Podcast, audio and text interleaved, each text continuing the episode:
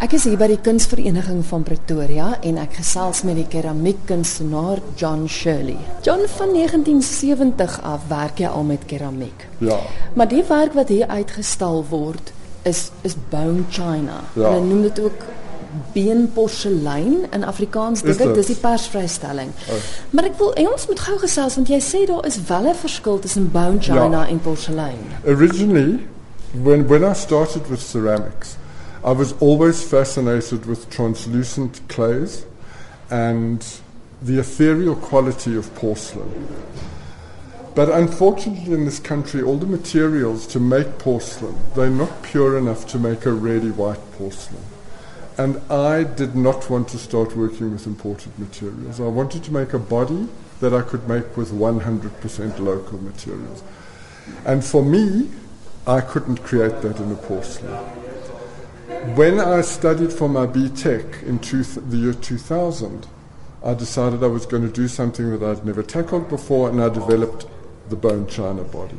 Oh. And what I found was it's much whiter than porcelain because the, the name bone china comes from bone ash being in the clay. The, the bone ash that I use in the clay is not real bone, it's a, a synthetic bone ash, but the bone ash acts as a bleach on the clay. So any impurities that are in the clay actually make it whiter when you fire. So that's the reason I've worked with bone china. So met ander woorde jy maak jou eie klei. Yeah, yeah. Everything I make myself. I mix up the soluble salts myself and uh, make the clay body.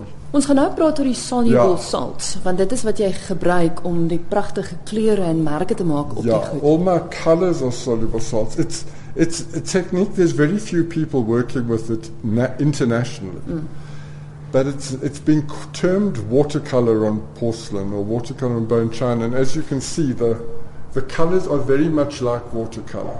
If you work with oxides on porcelain or bone china, the color becomes opaque. Ja. For me, the whole quality that I'm going for in these works is the ethereal translucency. And soluble salts allow the, co- the light to still move through the color. Whereas with oxides and colorants, the light does. Like my black and white work is not soluble salts. That doesn't allow light through the design. But to me, the appeal is the soluble salts. And I've been working with soluble salts now for about 15 years. So wat is dit? Is is sak? Instead of when we normally work in ceramics, we work with oxides, Yeah. which is where the metal has combined with oxygen. These soluble salts are chlorides, so it's where the metals uh, began with, combined with the chlorine. So it, it dissolves in water. Oxides don't dissolve, they stay in suspension in the water. So when you paint them on, it's a much denser color. This is a much lighter, more ethereal. And it's an interplay with light, and that's what excites Yeah, me about yeah. the work.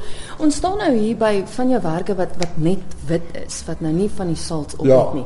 En dit is ongelooflik eintlik al die werk hoe verskriklik fyn dit is. Hoe, hoe maak jy dit? Okay, Werk I'm- jy op 'n wiel of No, I make my original form on the wheel. ja?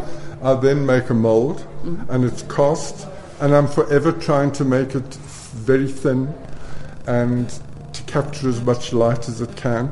And the white on white work has a all of it has thin lines of the bone china trailed over it. So it's almost like a sort of white on white graphic type look. Ja. ja. Dis seker ure se geduld wat mens nodig het. Well, I've been doing it since 1970. So jy's nou al geduldig. Yeah. But you know what is amazing for me, and I'm sure it's what keeps people in the in ceramics for so long. Doesn't matter how long you've been doing it. There's always new stuff to discover. Mm. So, yeah. En dan ook die baktemperatuur want ek verstaan porselein is mos baie hoër. Yeah, it's fired to much of the same temperature as porcelain. It's around 1260. Mhm. And it's the beauty of this clay is it can also be fired quite fast. It doesn't have to be slow fired. Ah. But the longer you hold it at the top temperature, the more translucent it becomes. But at the same time, the more it warps. So you'll see a lot of the pots have distorted, but to me that's half the appeal of the work. It, Mm. It's like something that the kiln gives you in the firing. En weer eens soos met ander werk, jy bak hom eers en dan sit jy die Ja. soluble salts op en dan you- weer. I've tried putting the soluble salts on the raw clay, Uh-huh. but it looks like an onion after the firing. It comes out in layers and it all peels off. So yeah, you fire it to about a thousand degrees. What happens? This this bone china has no strength when it's dry.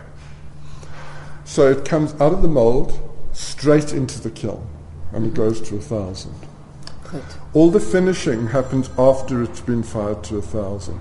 So I cut the rims and I sand the surface smooth.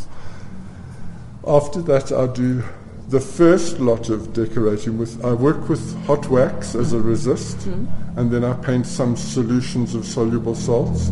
I refire to a thousand, and I do the process again. So a lot of you'll see there's layers where you can see through one layer into that's because it's separate firings. And then when it looks like I want it to look, it goes into a firing of 1250, 1260.